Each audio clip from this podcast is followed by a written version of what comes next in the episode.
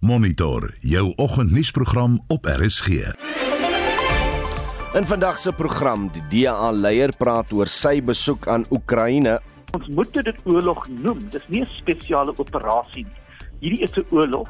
Hierdie is 'n land wat hulle wapens en weermag oor die grens gery het in 'n ander land se gebied. En daar is groot skade wat hulle doen in daai gemeenskappe. Suid-Afrika is die land wat 6de ergste onder kubermisdaad deurloop en tot hoe mate benadeel faksiegevegte die ANC. Ons praat met 'n politieke ontleder. Welkom by Monitor. Die span vanoggend is uh, redakteur Wessel Pretorius, produksieregisseur Johan Pieterse en ek is Oudo Karelse.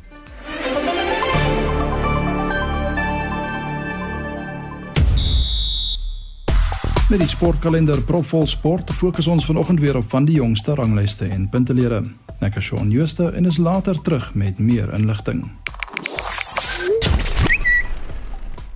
Op sosiale media is die hitsmerk Motsepe gewild en dit verwys na Patrice Motsepe, die president van die Konfederasie van Afrika Sokker en beweerde korrupsie in die Unie. Die hitsmerk Garlic of knoffel is ook 'n paar duisend keer gedeel met gebruike en resepte en internasionaal is 'n tweet van die groep YouTube um, wat gister op uitnodiging van Oekraïne se president Volodymyr Zelensky in Kiev opgetree het, meer as 27000 keer gedeel.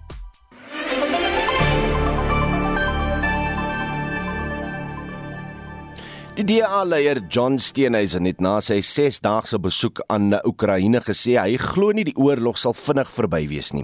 Hy het die Russiese president Vladimir Putin van oorlogsmisdade beskuldig na Oekraïne in 'n inval. Die DA, DA, die Suid-Afrikaanse regering, het gekritiseer oor sy besluit om neutraal te bly in die oorlog. En die gevolge daarvan sal vir nog 'n jaar of jare by ons wees in die wêreld in Afrika en ook in Suid-Afrika.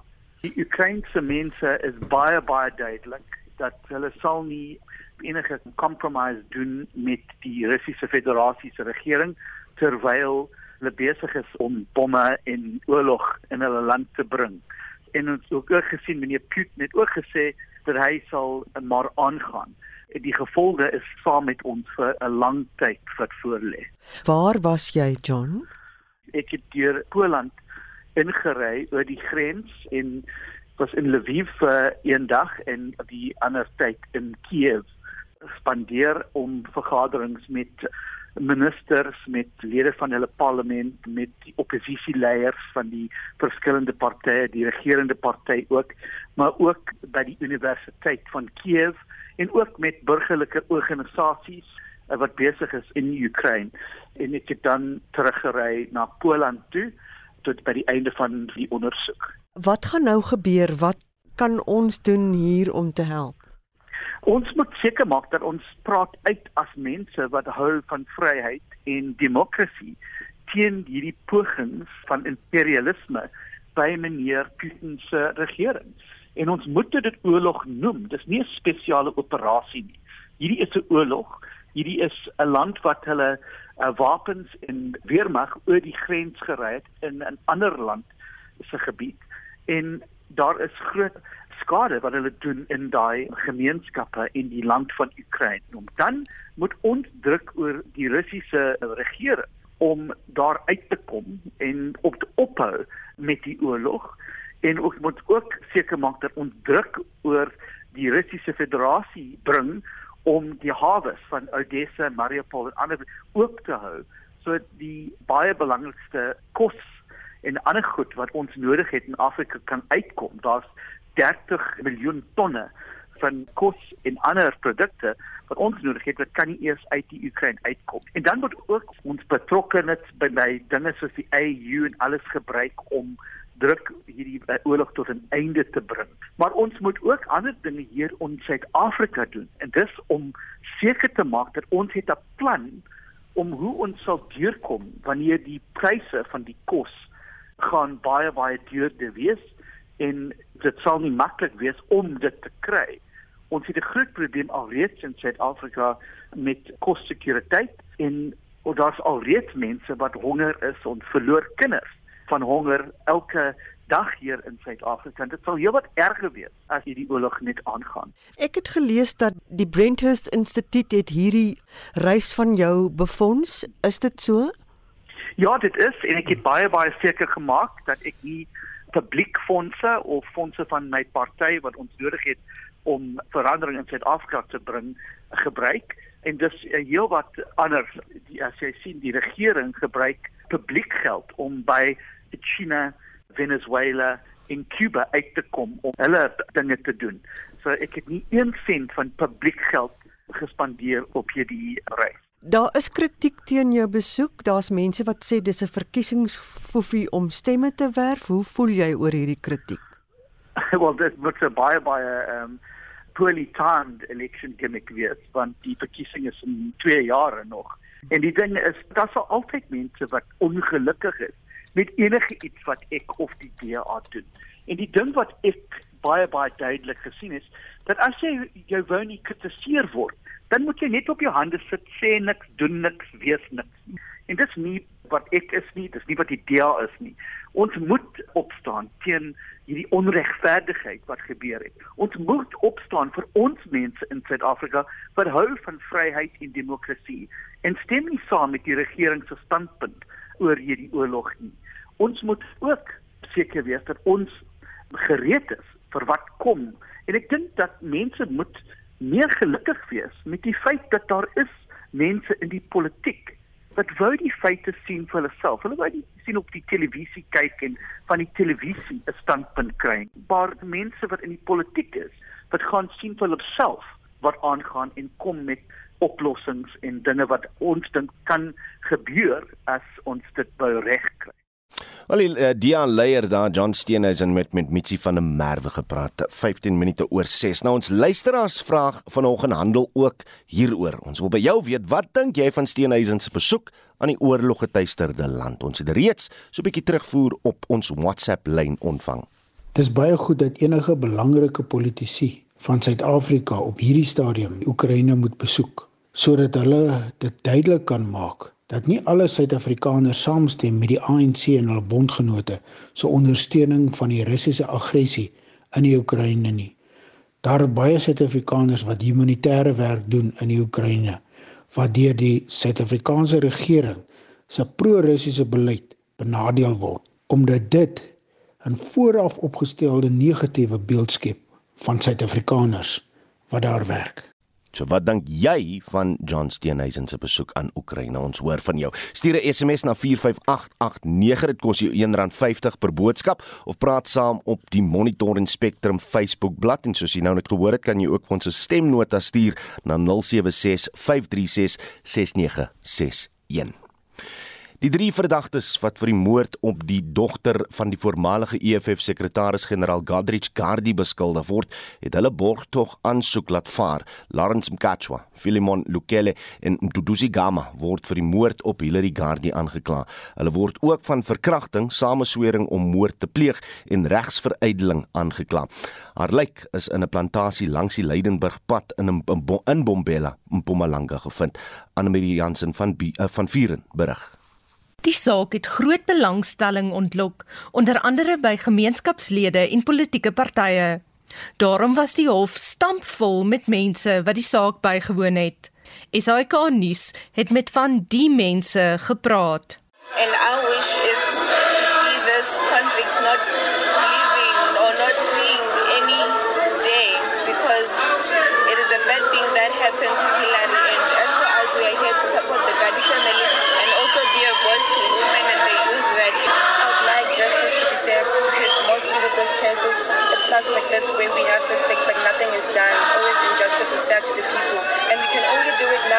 Die nasionale vervolgingsgesag se woordvoerder, Monica Nonuswa, sê hulle glo hulle het 'n waterdigte saak. As the NPA wouldn't have enrolled the matter if the evidence was not as strong as it is.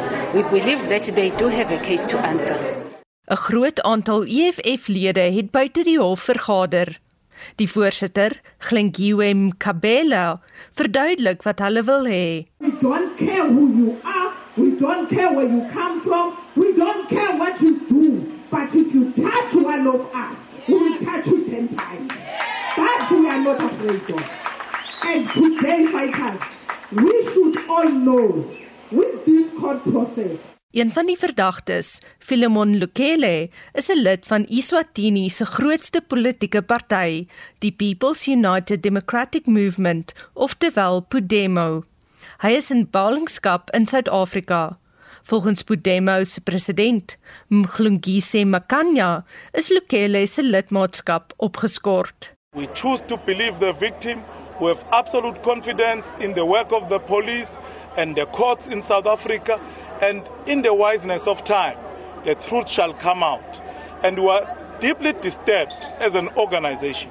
And we have taken a decision that with immediate effect, we are going to suspend his membership of Podemo until such time that it is clear what happened. But most importantly, we call for justice to be done.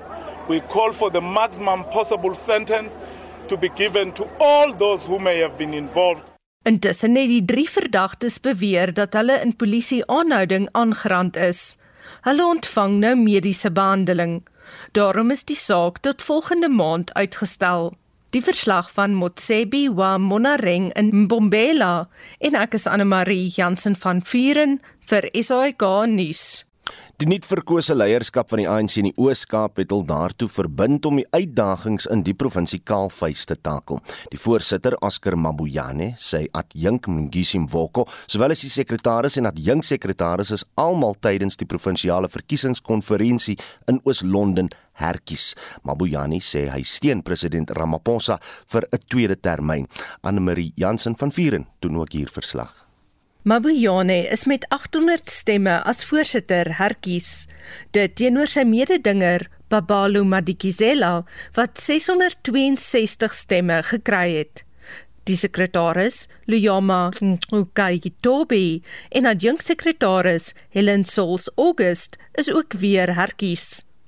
Daar is wel 'n nuwe uitvoerende lid, Solile Williams, wat as tesourier verkies is. Mabiane se verkiesing kom ten tye van 'n hoë werkloosheidskoers met amper die helfte van die provinsie se inwoners wat werkloos is.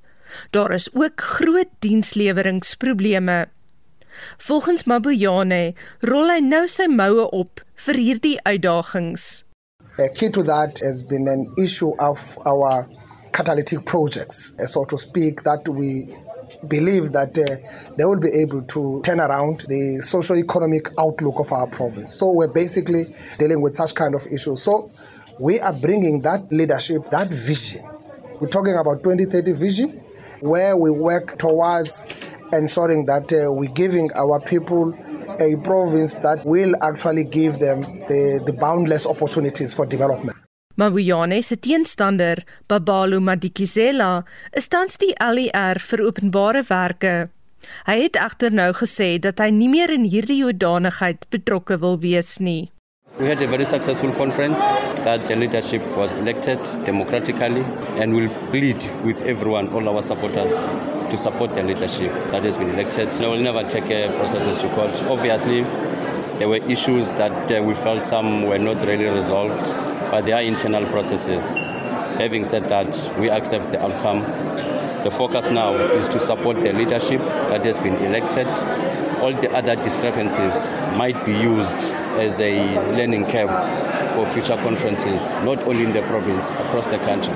Volgens Mabuyane is sy doelwit ook om samehorigheid onder partylede te bevorder. Die verslag is saamgestel deur Lupa Balo Dada in Oos-London en ek is Anne Marie Jansen van Vuren vir SAK nuus. Ons praat later in die program verder hieroor met 'n politieke ontleder. Suid-Afrika is 6ste op 'n lys van lande wat die ergste onder kubermisdaad deurloop. Dit is volgens statistieke deur die kuberveiligheidsmaatskappy Surfshark. Suid-Afrika het in 2021 volgens die navorsing 52 slagoffers gehad vir elke miljoen mense wat die internet gebruik. Professor Basie van Solms van die Universiteit van Johannesburg se sentrum vir kubersekerheid sê die statistiek strook met vele ander. Ons praat nou met hom. Basie, goeiemôre. Hallo, goeiemôre aan jou en al die RSG luisteraars. Wat is die rede vir Suid-Afrika se betreklike hoë plek op die lys, Basie? Ja, die dis jy reg sê, nou die afgelope 2, 3 jaar het daar verskeie wel uh, deurdagte internasionale verslae uitgekom oor Suid-Afrika se posisie. Hmm. En ons wissel so van derde tot sesde. Hierdie een plaas ons dan nou bietjie sesde. Maar jy weet daar's 'n deurlopende lyn in al hierdie verslae. Hoekom ons so 'n uh, hoë uh, aantal kuberslagoffers het. Hmm. En is interessant. Dit dit, kom in al die verslae na vore en en die hoofrede daarvoor is gewoon in die verslae sê dit pertinent dat die Suid-Afrikaanse gebruikers van kuberruimte en van die internet is verskriklik goedgelowig. Hulle is verskriklik naïef. Hulle hulle, hulle glo wat hulle hulle glo die internet is is veilig. Hulle glo die oproepe wat hulle kry is is kom van die werklike faktor af en so voort en so dit is 'n dis 'n gebrek aan kritiese denke sou ek sê, 'n kritiese uh oorweging van wat is my risiko's en en ek dink dis die groot ding waar ons moet werk. Dit geld nie net vir my en vir jou as gewone uh, kom ons sê dit uh, uh, die in die straat nie, dit hmm. geld vir maatskappye ook. Navorsing blyk duidelik dat jou eindgebruiker is die persoon wat die naïefste is wanneer wat die maklikste uitgevang word. Uh, Basie anders gesien vertrou ons mense net te maklik as Suid-Afrikaners, maar kom ons praat oor hoe ons hierdie uh ding kan takel. As as ons naïef is oor uh, sekere goed en ons vertrou mense te maklik, hoe verander ons dit om om meer sekerheid te hê oor ons internetgebruik? Ek dink dit is dit is al die jare is dit maar my uh jy weet my voorstel en my waarvoor ek beklei is dat mense en dit geld nou van skoolkinders af, hmm. van laerskoolkinders af, moet net meer bewus gemaak word van die risiko's van die kuberruimte. Hmm. Jy moet net bewus wees daarvan dit is nie 'n vriendelike plek nie en as jy nie die reëls ken nie, dan gaan jy uitgevang word, jou identiteit gaan gesteel word en jou geld gaan gesteel word. Dit dit is amper vir my absoluut uh, jy weet analoog aan 'n aan 'n motorbestuur. Jy hmm. kan nie 'n motorlisensie kry as jy nie die reëls van die snelweg en die paaie waarop jy ry, jy dit nie ken nie. As jy dit nie ken nie, gaan jy ongelukke maak. En dit is wat gebeur. Ek dink elke een van ons, jy weet van die staat af dwars deur tot by elke ouer moet 'n verantwoordelikheid hê om te sorg dat ons ons hoef nie kundiges uiteraard mm, mm. ons hoef nie experts te wees nie maar ons moet net bewus wees van jy by 'n stopstraat moet jy stop as jy 'n telefoonoproep kry wat snaaks klink wees versigtig dink twee keer Basie ek sien hom miskien net so 'n bietjie anders uh, uit die oogpunt dat on, ons weet ons moet ons wagwoorde, moet ons, ons waaksaam wees, ons moet hom verander. Uh al hoe meer mense wat die internet gebruik word, kry nou daai boodskap. Maar maar wat ons nie sien nie, wat on, vir my ontlok is is hoeveel geld eintlik uit rekeninge uit Suid-Afrika en uit Suid-Afrikaners se rekeninge gesteel word. Is dit nie hoogtyd dat ons nou bietjie meer daai boodskap in die, in die openbaar sit nie, sodat ja, ons kan sien wat die, wat die Dit is 'n baie baie goeie punt, jy weet en en jy weet mense moet wie wat nou my kontak wat nou vir my e-pos stuur en en en raad vra wat ek nie altyd kan gee nie jy weet 'n verloor baie geld uh uh wie weet tot 700 800 tot 'n miljoen rand mm, maar mm. die die die laaste syfer wat maar bietjie rondgegooi word in Suid-Afrika is dat kubermisdaad kos ons land so iets soos 2,2 miljard rand per jaar so. nou dit wissel en ek dink dit het nou seker ook al toegeneem want die hele covid uh werk van die huis af benadering het baie baie het kubermisdaad ongelooflik 'n stoot gegee het. Mm, baie mm. ons het geoes in hierdie tyd en hulle oes nog altyd. So uh, dit is 'n reuse bedrag geld en dit kos maatskappye baie geld want 'n maatskappy wat gekraak word en wat persoonlike data verloor gaan nie net nou 'n losprys moet betaal nie maar hy gaan nou ook deur die inligtingreguleerder 'n boete gegee word 'n groot boete omdat hy nie sy stelsel behoorlik verseker het nie en omdat hy nie sy werknemers behoorlik opgelei het. Jy weet 'n groot kraking hier by ons 'n paar maande of 'n uh, verlede maand. Mm, mm. Was was die die oorsaak van die waar die kubermisdadiger ingekom het is die die eindgebruiker, 'n gewone werknemer, het 'n wagwoord gebruik wat wat wagwoord was. Nou hoor hy hy het nie voor 'n wagwoord ja, gebruik ja. as sy wagwoord. Nou sulke tipe dinge, jy weet, jy's heeltemal reg. Ons moet nou die klein dingetjies begin kyk en ons moet ons moet dis ons kennis en ons moet die potterwiels begin verstaan mm, mm. en ons moenie so goed gelowig wees nie. Weet as daai ou jou bel van die bank af Sit neer die foon. Moenie eers met hom praat nie. Bel die bank self terug en Ah, vind uit wat die fout met jou bankrekening. Ja, sê. Ek dink ons moet hierdie boodskap miskien bietjie meer verkondig, maar dit was professor Basie van Solms van die Universiteit van Johannesburg se sentrum vir kubersekerheid. Die familie van 'n 11 maande oue dogtertjie van Aggeneys in die Noord-Kaap pleit om hulp nadat sy met 'n dodelike seldsame genetiese afwyking gediagnoseer is. Baba Nova de Wet is met spinale spieratrofie tipe 1 gediagnoseer wat belangrike motoriese neurone in die liggaam affekteer. Haar enigste kans om oorlewing is indien haar familie meer as 30 miljoen rand insamel vir 'n genetiese wondermiddel genaamd Zolgensma uit Amerika. Reginald Witboy doen verslag.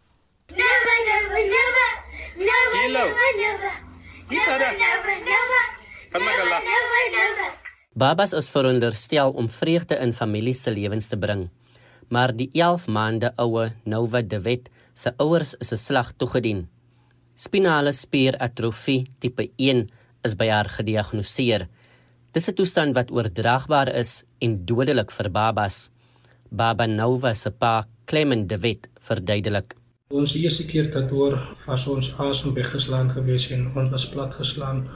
Ons het nie geweet wat die toekoms vir ons wag nie. Ons was bang, ons was alleen en ons doen vandag baie beter want Nova is soos 'n normale baba.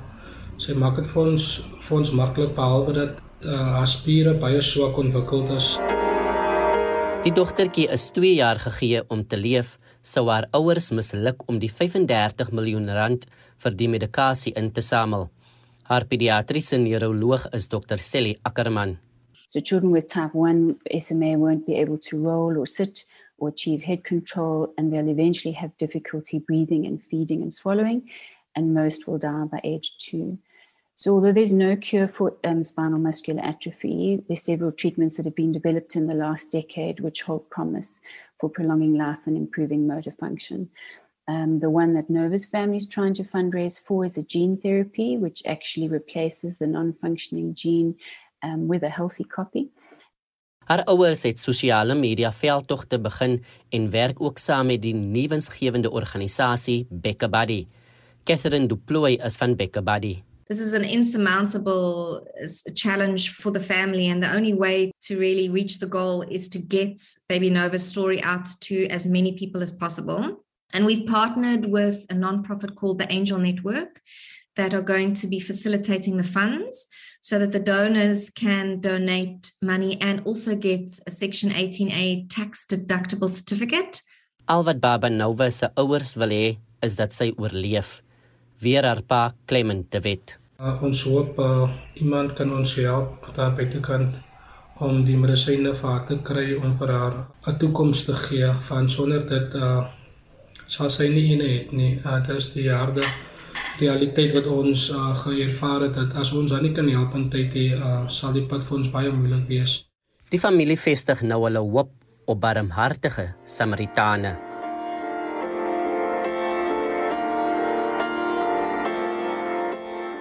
Ek is Reginald Witboy in Kimberley.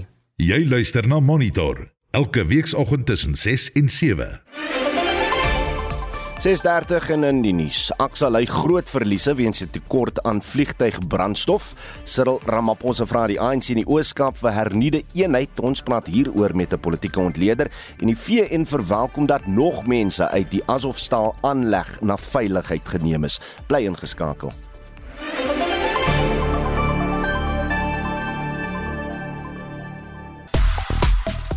Ons praat vanoggend oor die DA-leier John Steenhuisen se besoek aan Oekraïne en ons wil weet wat dink jy daarvan? Hier's van ons luisteraars se terugvoer op WhatsApp. Hom uh, vir John Steenhuisen bedank om die boodskap van die groot meerderheid van Suid-Afrikaners wat hierdie situasie nie ondersteun nie, uh, oor te dra aan die uh, Oekraïense uh, regering. Wat daar gebeur is onaanvaarbaar. Uh ons almal weet dat Rusland uh, en Suid-Afrika vriende is uh met die met die regerende party. So hulle sal nie uh uh vir hulle uitspreek oor oor Rusland en en en en die oorlog daar nie. So ons het uh, iemand nodig soos die oppositieparty om te gaan kyk en terugvoering te gee soos dit reg werklik is daar. John Steenhuisen en ek aanvaar en verstaan hoekom jy as 'n politieke leier Oekraïne toe was, maar ons mense vrek soos vlee in Suid-Afrika. Nou wil hulle geld in die Oekraïne indruk. Druk daai geld in Suid-Afrika in. Dan van ons luisteraars op WhatsApp se mening, jy kan dit nog vir ons deel. Joune is net so tot voor 7. Jy kan ook vir ons 'n uh, eh, stemnota stuur wat ons later in Brandpunt en in Spectrum kan gebruik. Daardie nommer 0765366961.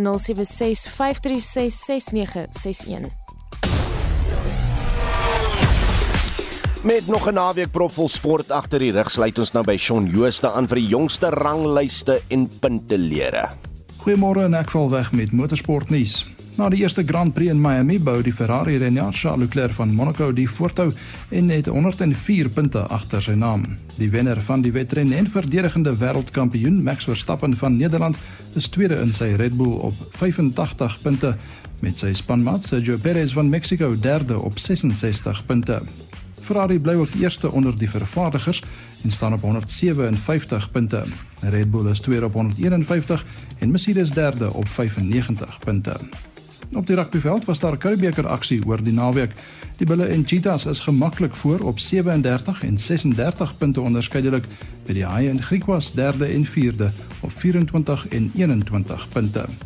In die Super Rugby reeks bekleed die Blues op 45, Brumbies op 43, Crusaders op 39 en Chiefs op 32 punte, die top 4 plekke na 11 rondes. In die tenniswêreld is daar geen verandering onder die top 3 manspelers nie. Hulle is Novak Djokovic van Servië, Daniel Medvedev van Rusland en Alexander Zverev van Duitsland. Suid-Afrika se Lloyd Harris klim met twee plekke en is nou 36ste. Iga Swiatek van Pole bly nommer 1 onder die vroue spelers met die Tsjech Barbora Krejcikova nou tweede en die Spanjaard Paula Badosa derde. Op die sokkerveld is Manchester City die voorlopers in die Engelse Premier Liga op 86 punte met nog 3 wedstryde wat oorbly. Liverpool is tweede op 83 en Chelsea en Arsenal is in 'n stryd gewikkeld en het 67 en 66 punte onderskeidelik. Mamelodi Sundowns bly ook gemaklik voor in die DStv Premier Liga en staan op 62 punte. Hulle word gevolg deur Cape Town City op 48, Royal AM op 45 en Kaizer Chiefs op 43 punte. Oor na die cricketveld waar ons net so verby die halfpad merk in die IPL reeks is met twee nuwe spanne. Lucknow Super Giants en Gujarat Titans is die voorlopers op 16 punte elk. Die Rajasthan Royals en Royal Challengers Bangalore rond die top 4 af op 14 punte elk. In die golfwêreld is daar ook geen verandering onder verlede week se top 3 manspelers nie.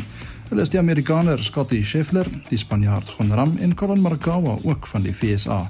Suid-Afrika se Louis Oosthuizen bly 15de, maar Erik van Rooyen en Shaun Norris sak elkeen met 2 plekke terug na 63ste en 65ste onderskeidelik. En laastens herinner ons ook graag dat die Giro d'Italia fietstoer aan die gang is. Die Nederlander Matthew van der Poel dra die pink trui en is 11 sekondes voor die Brit Simon Yates en 16 sekondes voor sy landsgenoot Tom Dumoulin in die derde plek. Vandag se vierde skof is 170 km lank. En dit was Shaun Jooste van RSG Sport. Koningin Elizabeth gaan vir die eerste keer in 63 jaar die opening van die Britse parlement misloop, Marlene Forsie Buckingham Paleis het die aankondiging gister gemaak. Ja, nou Sien Charles gaan namens haar die verrigtinge bywoon en die koningin se toespraak lewer. Dat die 69 of eerder die 96-jarige monarg sukkel deesdae om te beweeg en sy moes onttrek aan verskeie openbare geleenthede, maar is iets wat sy self erken. How are you? Well, as you can see, I can't move. Ja, pittig, maar kan nie regtig meer lekker beweeg nie. Nou die koninklike historikus Hugo Vickers het as volg gereageer. I know several people who've seen her recently, and apparently she's on very good form. Um, but listen, she's 96 years old. She's been through an awful lot of difficulties recently, not least the death of her husband last year. Nou die enigste ander kere wat sy die geleenthede gemis het, was twee keer, was toe sy swanger was. Nee, goed dan. Die Franse president Emmanuel Macron waarsku dat dit dekades kan neem vir Frankryk om in die Europese Unie aanvaar te word. Hy self voor die land tot dan deel word van 'n parallelle Europese gemeenskap. Wat is dit dan nou? Dis 'n nuwe konsep wat hy voorgestel het. Nou volgens hom sal so iets Oekraïne en ander lande wat nog nie deel vorm van die EU nie, tog voordeel kan trek hier uit en uit Europa se veiligheidsstrukture. C'est une autre histoire. We need to find a political forum that allows us to bring together with Europe states that share its values and that are in this geography, and to build a political coordination together.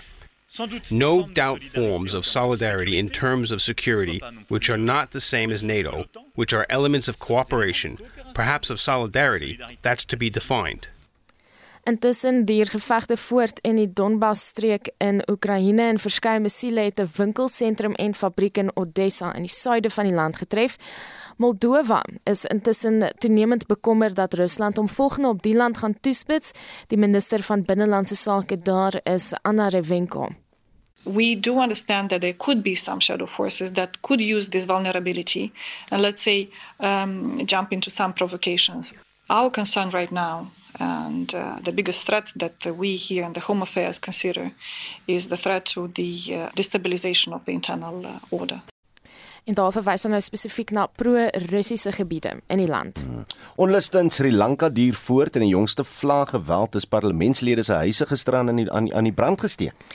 Inwoners is skeelvol vir die regering se swak hantering van die ekonomiese krisis in die land en dit gaan gepaard met prysstygings en kragonderbrekings.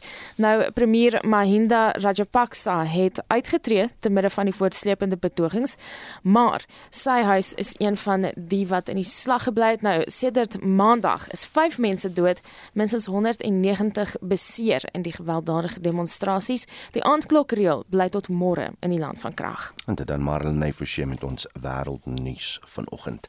Sommige ontleeders het verwag dat die Russiese president Vladimir Putin gister oorlog sou verklaar het teen Oekraïne. Jaarliks word die Russiese oorwinning oor Nazi-Duitsland in 1945 op 9 Mei gevier. Ons praat nou met die politieke ontleder aan Unisa professor Joansi van Wyk. Joansi, goeiemôre. Goeiemôre Oudo. Soos ek nou in die inleiding gesê het, die Russe het gister oorwinningsdag herdenk, maar Putin sê toe niks oor hulle oorwinnings in Oekraïne of enige prestasies aan die konflik nie. Watter afleidings maak jy hieruit? Oor as mens wel luister na die toespraak wat hy gelewer het, het hy tog indirek daarna verwys. Almal het verwag dat hy hierdie geleentheid as 'n oorlogsverklaring kan gebruik, maar dit is weer eens dit is die weste se verwagting gewees. Hmm. Wat hy wel gedoen het was om basies die Russiese volk en ook die internasionale gemeenskap dan net te herinner van hierdie historiese missie waarop Rusland homself bevind. Hy het onder andere die gehoor wat hy aangespreek het, die binnelandse gehoor en natuurlik die soldate op die front het hy gesê dat, dat hierdie is 'n heilige oorlog hier is 'n heilige doel met hierdie oorlog naamlik om onder andere die moederland te beskerm maar ook dan om die generasies te eer wat dan die nasies oorwin het. So hy speel dan nog steeds in met hierdie neonazi uh, um, idee van hom. En natuurlik die gehoor wat hy wou aangetrek uh, aangetrek het hmm. was die russe met hierdie vertoon en hierdie magsvertoon dan. So uh, hy hoef dit dan nie noodwendig te verklaar nie. Ah, toe ek kom gister kyk en ek en ek luister en ek sien nou natuurlik uh, as ek uh, afhanklik van die vertaling het, het dit vir my voorgekom asof Putin aan homself gesê het luister ek moet nog steeds van ons aksies aan ons russe regverdig. Ja, maar onthou hier hier is verskeie ehm um, spele spe, spele aan die mm, gang. Mm. Aan die een kant moet hy die die weermag aan sy kant hou, aan die ander kant moet hy ehm um, die russe dan nou oortuig van die belangrikheid van hierdie oorlog. Nou goed, ons ons weet dat die die oorwinningsdag uh, parade is vir die Russe verskriklik belangrik en Putin het ook weer eens gister daar na verwys. Is hierdie belangrike sogenaamde bloedoffer wat in hulle geskiedenis voorgehou word as selfs al sterf die soldate nou, is dit ter wille van die die groter idee van waarvoor Rusland staan. En Putin het basies weer eens gefokus op die sogenaamde gruwe dit is die weste se skuld. Die weste het ons in hierdie hoek ingedruk. Ons reageer maar net op wat die weste doen. So Putin is nie noodwendig die mees charismatiese um, spreker nie, ja. maar die punt is dit die inhoud van sy boodskap het wel daar gekom waar dit moes kom. En ons is ongelukkig in die weste of dit nou buite Rusland is ons gebrekkig uh, en arm aan die aan die aan die gebrek van inligting oor dit wat werklik hmm. waar in Rusland aangaan en ons kry maar basies 'n gefilterde ehm um, boodskap. Maak bietjie sin vir eh, vir my uh, Johansie oor uh, Putin se woorde dat die weste openlik voorbereidings voorbereidings getref het vir 'n strafoperasie in die Donbas streek. Waarvan het hy gepraat? Waarna verwys hy spesifiek? Kyk hierdie hierdie uh, goed met ons onthou het 'n lang aanloop soos wat ons nou herhaaldelik ehm um, hierna verwys het. In 2014 byvoorbeeld het die Russe natuurlik nou die Krimskiereiland uh, onderwerp. Hulle het al toe reeds begin om die separatiste groepe in Luhansk en Donetsk die Donbas dan nou ehm um, te ondersteun et cetera. Maar reeds voor dit was Putin reeds in Chechnya betrokke in Transnistria was hy ook betrokke so hier is 'n lang aanloop wat Russiese aggressie basies dan beklemtoon en die weste het ook net dan in reaksie daarop um, ge, um, opgetree. Maar ons weet dat Rusland van verlede jaar af sogenaamde militêre oefeninge saam met Belarus gedoen het, mm. dat hulle geweldig baie troepe ingestuur het um, in die laaste helfte van verlede jaar en natuurlik hierdie goed het net geeskaleer. So dit is belangrik dan om hierdie boodskap um, aan die Russiese bevolking oor te dra is dat ons is nie die aggressors nie. Ons beskerm die die die moederland en daarmee kan hy baie meer steun behou as wat hy sou sê maar ons gaan in 'n oorlog in. Ehm um, so ek dink dit is die die spel wat hy hier speel. Jose reg om te sê dat dat uit almal se standpunt uit gaan hierdie eh, 'n uh, lang proses wees. Dit gaan 'n lang oorlog wees. Ja, kyk die die die oorlog word beskryf as 'n moontlike oorlog van attrisie, met ander woorde waar jy die vyand gaan afmat, jy gaan soveel as moontlik infrastruktuur vernietig, jy gaan dit geld kos, jy gaan mense lewens opoffer, jy gaan ontwrigting doen.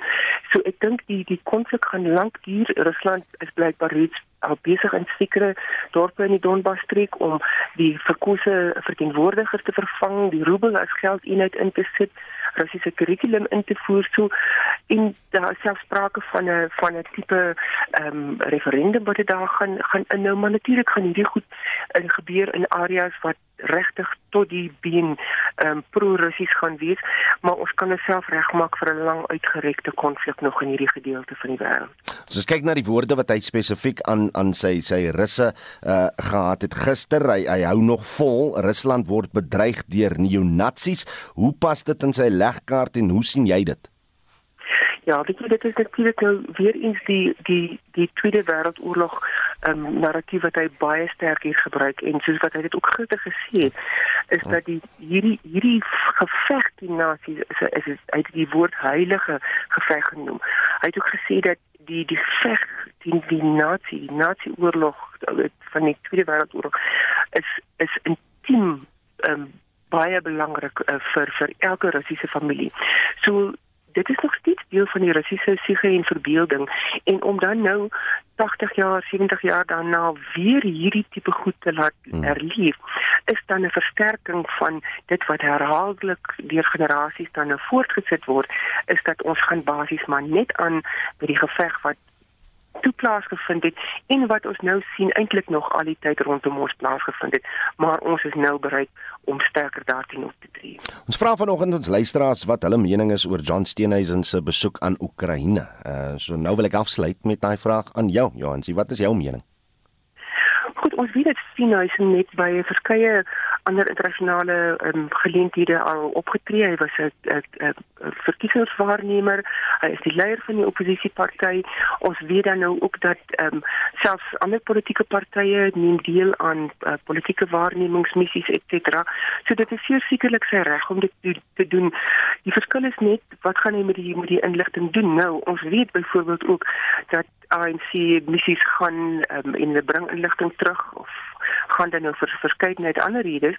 So dit is deel van die demokratiese proses, dit is ook deel van dan nou die na 94 se poging onder andere dat ons buitelandse beleid moet moet meer opgegooi word.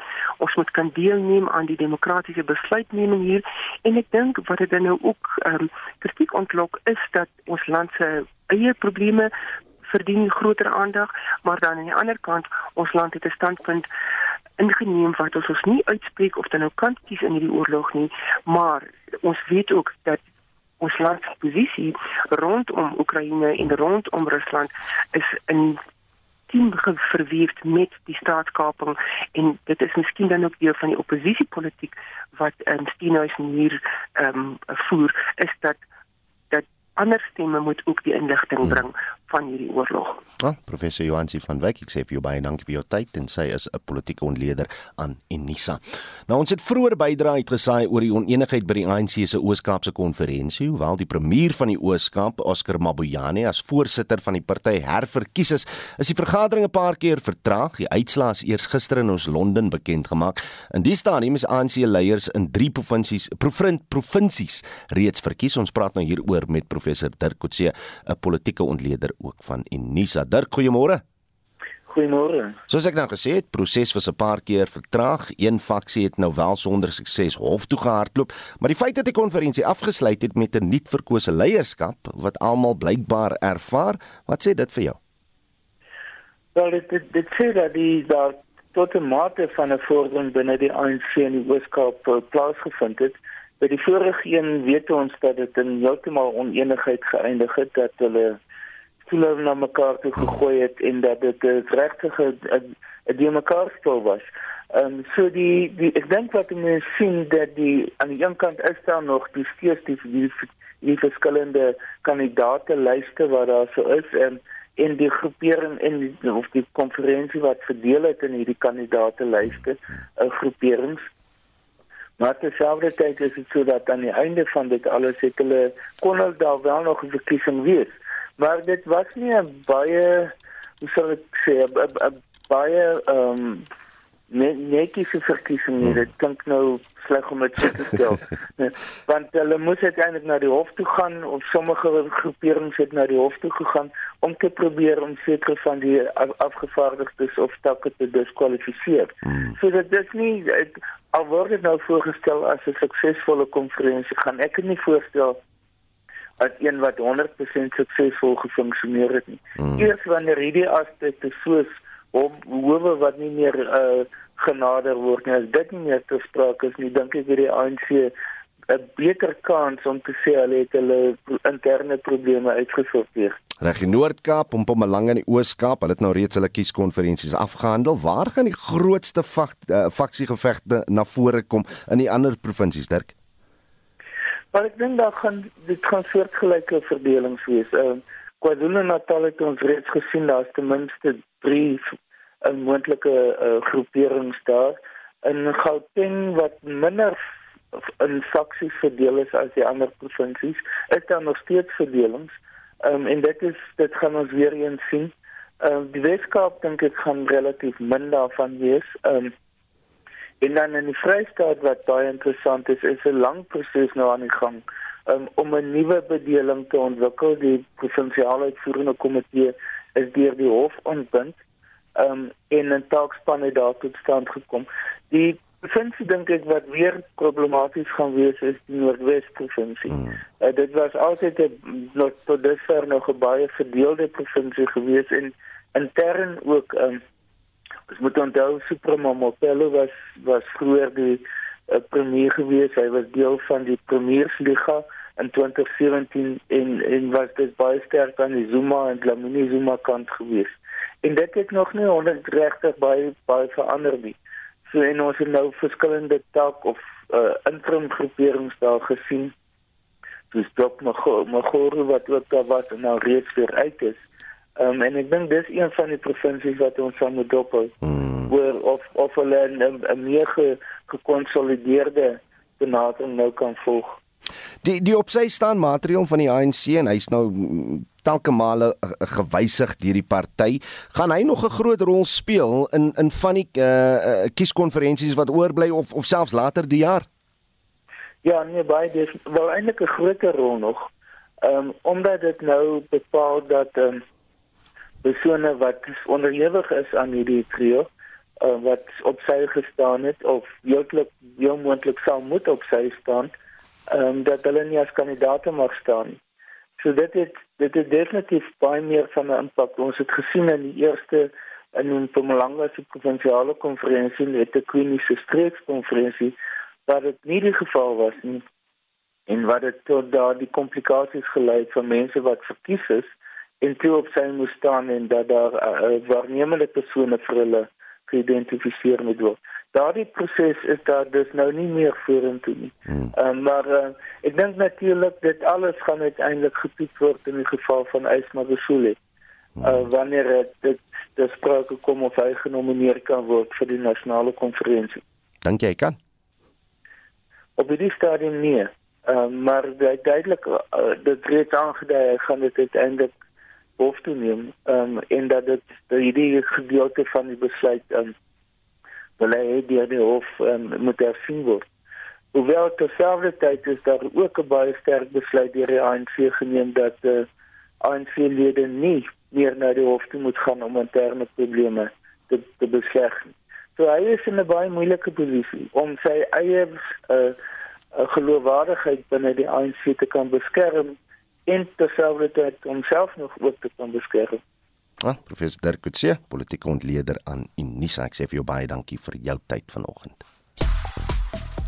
Ons praat oor die DA-leier John Steenhuisen se besoek aan Oekraïne. Ons wil weet hoe voel jy daaroor? Hier's van ons luisteraars se terugvoer op WhatsApp. Ek wil net weet of hierdie meneer Steenhuisen al enigsins met ons boere wat vermoor word enige iets daaraan gedoen het. Het jy al gekyk op 'n plaas hoe lyk dit? Hoe lyk die mense wat daar agter gebly het? Dit is vir my belangriker as Oekraïne en Rusland se feit. Die besoek van John Steenhuisen aan die Oekraïne was maar net 'n uh, publisiteitsfoefie vir die DA. Hy het nie die mandaat van die meerderheid van die land gehad nie. So hy het nie die land gaan verteenwoordig nie, maar 'n spesifieke politieke party. Ek sê dat John Steenhuisen is 'n man met murg in sy pype. Hy het gegaan en hy het gaan kyk wat daar aangaan anders as die ANC. Hy het die woord by die daad gevoeg. Dis hoekom ek sê well done, well done Steenhuisen. Jy hou Suid-Afrika se naam hoog. As jy nog 'n stemnota wil stuur, dit is nie te laat nie. Ons gaan dit gebruik in Spectrum en Brandpunt so. As jy een wil stuur, maak asseblief so 0765366961. Maar op die SMS-lyn het ons ook heelwat terugvoer ontvang. Mariana Lindstrom skryf baie beïndruk dat Steenhuisen besoek afgelê het in Oekraïne in plaas daarvan om sy kop in die sand te steek en te maak of dit geen invloed op ons land het nie. Dankie John dat jy die moed het om jou uit te spreek teen die inval en dood van mense en diere. Dis afskuwelik, so skryf 'n uh, naamlose luisteraar daar vir ons en dan nog iemand wat skryf: Ek dink die DA moet hulle eerder hou by plaaslike politiek want ons is nie 'n regerende party nie, want hulle is nie 'n regerende party nie. Die luisteraar skryf op die SMS-lyn as John so aanhou, verloor hy my ook. Heel wat heel wat terugvoer ook op Facebook, so jy is welkom om daar te gaan saam ehm um, gestels baie mense wat vir die besoek is, baie mense wat teen dit is. Ek sluit af met 'n SMS wat nie heeltemal te vind is nie. Die persoon skryf: "Ondersteun nie die besoek aan Oekraïne nie want daar's meer belangrike dinge in Suid-Afrika, ehm um, soos werkloosheid, armoede, die vloedgetuieerde gebiede, mense sonder kos in kampers en plakkershitte, ehm um, plaasmoorde nog baie meer word daardie gebiede besoek. Was al ooit in die gebiede om te sien wat daar aangaan en hoe hongersnood en onderdrukking onderdrukking die mense stuur na misdaad net om kos op die tafel te sit. Die antwoord vir al die vrae is nee. Hy soek net votes. Dit is wat hierdie luisteraar skryf. Maar ons hoor verder van jou hierdie res van die dag. Baie dankie dat jy saamgesels het. Die hitsmerk Cyril trek aandag en dit verwys natuurlik na president Cyril Ramaphosa en die nuutverkose ANC leier in die Oos-Kaap Oscar Mabuyane wat aangedui het dat die Oos-Kaap Ramaphosa vir 'n tweede termyn as ANC-president sal ondersteun. In internasionale nuus is 'n tweet van die 2-jarige Jack Russell hond Patron wat landmyne uitsniffel in Oekraïne en deur president Zelensky met 'n medalje vereer is duisende kere gedeel. En 'n vermaaklikheidsnuus praat mense oor Oprah Winfrey na aanleiding van verskeie onderhoude wat sy met bekendes gevoer het. Onthou op en wakker tussen 7 en 9 hier op RSG en dan groet ons namens ons uitvoerende regisseur Nicoline Wie ons redakteur vanoggend was Wessel Pretorius, ons produksieregisseur Johan Pieterse en ek is Oudo Karelse. Totsiens.